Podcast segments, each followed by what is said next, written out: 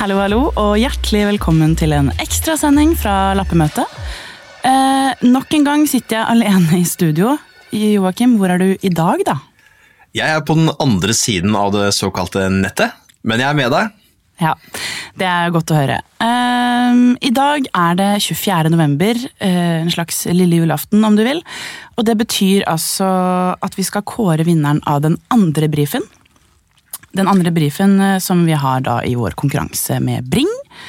Joakim, hvordan var den igjen? Jeg husker ikke.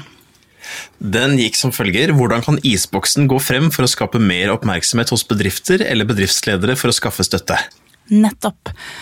Og det har nok en gang kommet inn helt eksepsjonelt mange gode bidrag. Dere er eh, veldig veldig kreative, alle sammen. Eh, Men, så det var liksom vanskelig å kåre en vinner denne gangen, men til slutt så var det en som skilte seg litt ekstra ut.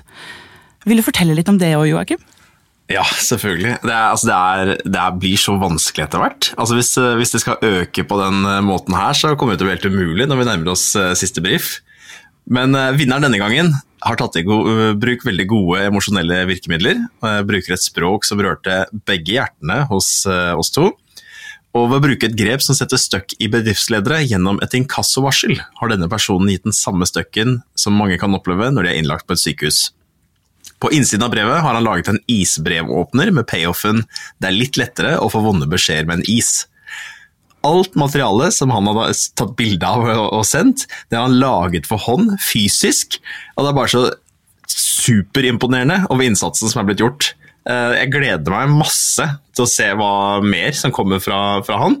Og det er altså Daniel De Sosa fra Westerdals Art Direction 2. Ja. Gratulerer så mye. Du har uh, blåst oss alle av banen. Veldig veldig bra jobba. Superbra. ja, jeg måles. Jeg måles. Jeg syns det, er fantastisk. Jeg gleder meg til vi skal vise alle sammen uh, når vi er kommet til siste, siste del. Ja, det var egentlig det vi hadde for i dag i denne bitte lille episoden av Lappemøtet. Men vi ses rundt, rundt neste sving. Det gjør vi. Gratulerer igjen, Daniel. ha det bra. Ha det.